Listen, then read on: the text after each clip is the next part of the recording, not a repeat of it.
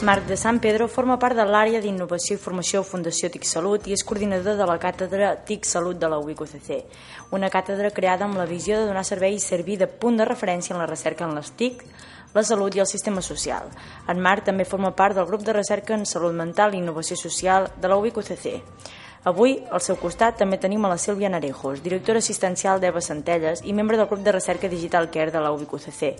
És metgessa de família i directora assistencial d'Àrea Bàsica de Salut EVA Centelles, com també directora de grup assistencial TIC OMIAP i representant TIC de les entitats de base associativa ens venen a parlar de les jornades R+D més I TIC Salut i Social. Aquestes jornades les organitzen la UBQCC, eh, en aquest cas la Càtedra TIC Salut i Càtedra de Serveis Socials, la Fundació TIC Salut, el Consorci Hospitalari de Vic, l'Institut Català de la Salut, Fundació Hospital de la Santa Creu de Vic, EVA Vic, EVA Centelles i Creacció.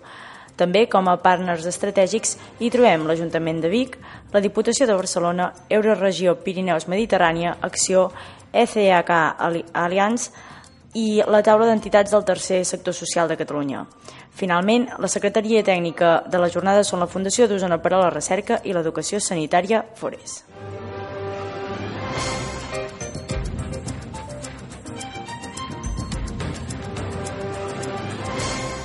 Doncs benvinguts Sílvia i Marc a Desconeguts Coneguts. Estem encantats de que sigueu aquí amb nosaltres. Uh, us hem convidat aquí perquè esteu dins un projecte bastant important a la universitat, la jornada Estic Salut i Social, que se celebraran dijous, el dia 28 de setembre, a la UBIC UCC. I m'agradaria que ens expliquéssiu una mica què consisteixen aquestes jornades.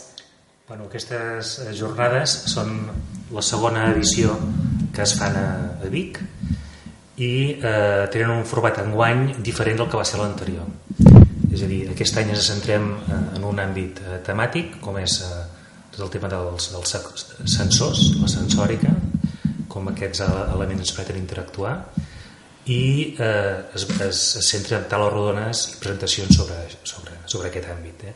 A diferència de l'any anterior, eh, que va ser una jornada de dos dies i que eh, va ser participada perquè eh, els, els participants podien presentar els seus projectes també i mostrar-los a, a tota l'audiència. I quins són els objectius d'aquesta jornada? Mm, bon dia. Els objectius uh, són potenciar la visibilitat del, dels agents claus del sector uh, amb les TICs aplicades en l'àmbit de la salut i el, i el, el benestar social i al mateix temps construir una plataforma per transferir el coneixement que um, identificant les necessitats uh, i lligant-les amb la demanda uh, que permeti alinear el món de la recerca, l'empresa, l'assistència per convergir en solucions uh, de més alt valor afegit. afegit. I aquesta setena jornada, com has dit abans, Marc, eh, es mourà al voltant de la sensòrica al servei de les persones. Per què aquest any s'ha triat aquest tema? Perquè és un tema que és punter.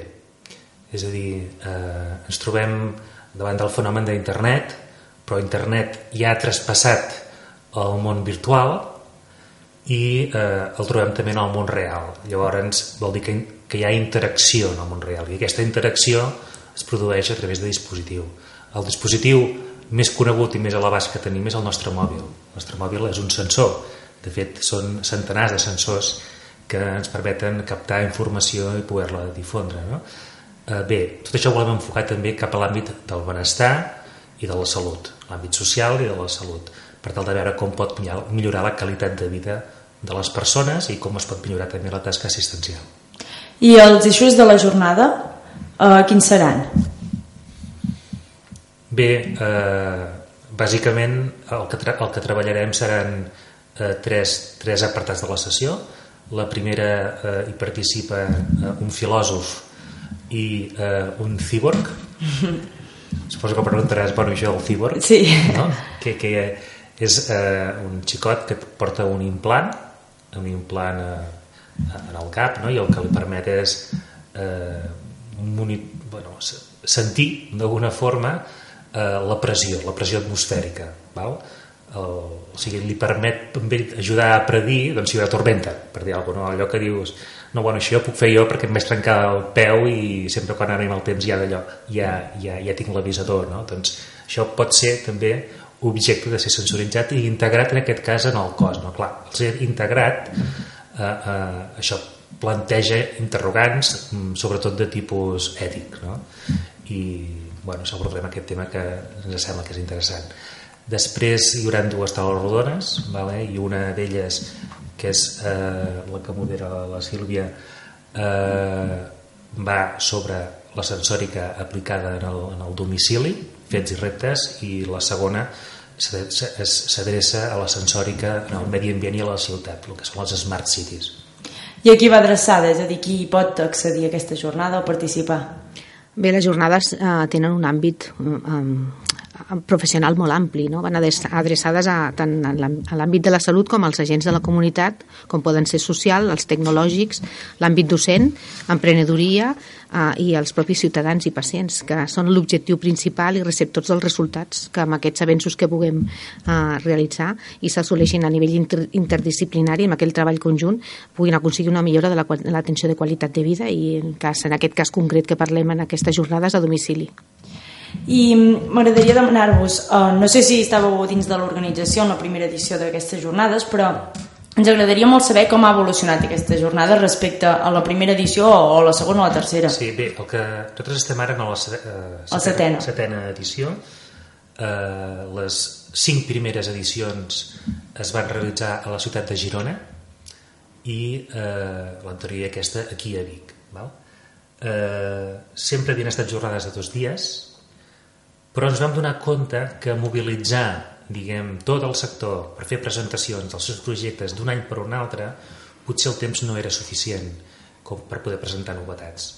Llavors, la fórmula per la que hem optat és la d'intercalar jornada de dos dies amb la d'un dia, que serà aquest any, i dos dies eh, l'any vinent per recuperar doncs, aquesta participació, major implicació del públic assistent.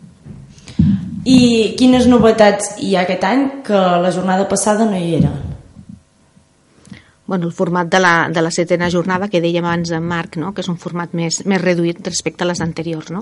però s'ha volgut tocar el tema emergent aquest de la sensòrica, ja que valora eh, en un futur molt proper no? com cobrir les necessitats de l'àmbit salut i social i donar suport als professionals de, de salut i social en general. Vale.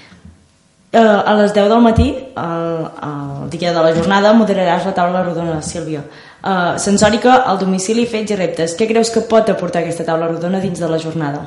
Bé, en aquesta taula ens acompanyaran uh, quatre professionals, uh, ponents, que uh, ens parlaran sobre, des del punt de vista de la salut, del tema social, de lo que seria l'aspecte avaluador uh, i de qualitat del control de, del seguiment de la, del Departament de, de Salut i al nivell ètic, els quatre companys ens, ens transmetran com podem ajudar a cobrir les necessitats que es detecten uh, de les persones a domicili concretament i uh, des de les diferents vessants social sanitària, no? amb ajuda de les TICs, que és el que parlem aquí en la sensòrica.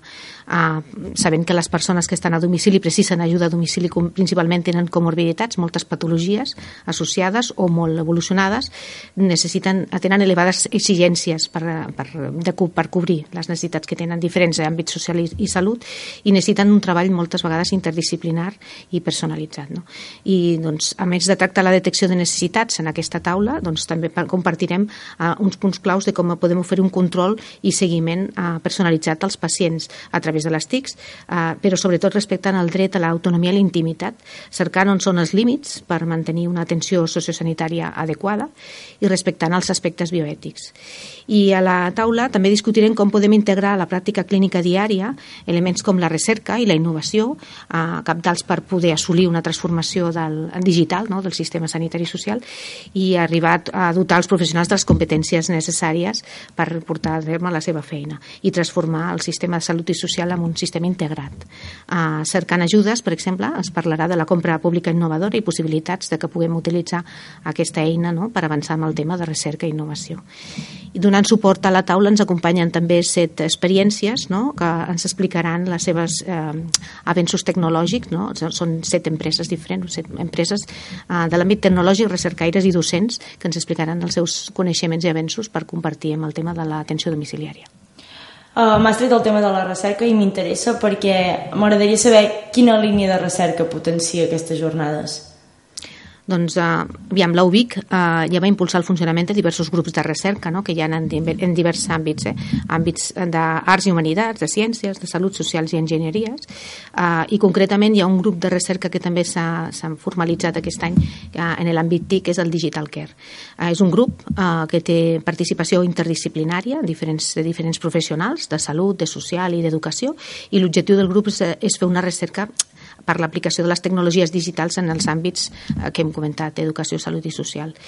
Hi ha diverses línies que s'estan treballant en aquest moment i per aquí aniria el, el tema de la potència en les línies de recerca.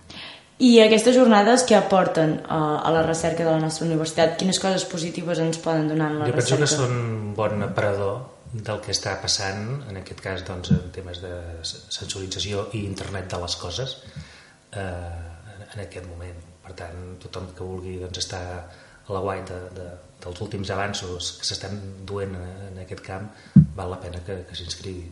Val a dir també que per la universitat tots els alumnes tenen entrada gratuïta sí. a les jornades, no? per tant és, pensem que aquesta aposta perquè la universitat s'ho faci seu, que ja és així, perquè és organitzadora també de les jornades, doncs val la pena de potenciar-ho al màxim i que tothom hi trobi el seu paper. De fet, eh, és, és com una jornada que no només és interessant per les persones que estan que són d'aquest àmbit, sinó que també moltes persones de fora poden, poden accedir-hi i poden entendre el que es fa en aquesta jornada.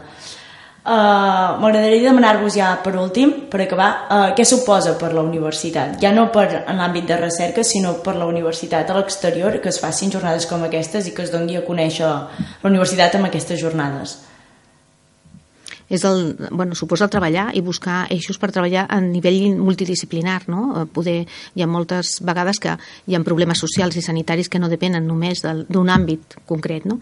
Eh, I altres vegades que hi ha uh, problemes que no són ni tan sols de social i sanitari, sinó que poden ser de l'àmbit d'educació. Aleshores, és intentar buscar un, un, un marc de col·laboració per avançar en la innovació i la recerca en diferents àmbits comunitaris, socials, sanitaris, empresarials i tecnològics i sobretot comptant amb els pacients, perquè són els que han de rebre el benefici de lo que podem avançar conjuntament. Doncs moltes gràcies Marc, moltes gràcies Sílvia per haver estat aquí avui a Desconeguts Coneguts. Espero que dijous vagi molt bé, que segur que sí, i bé, uh, ho deixem aquí. Moltes gràcies. gràcies.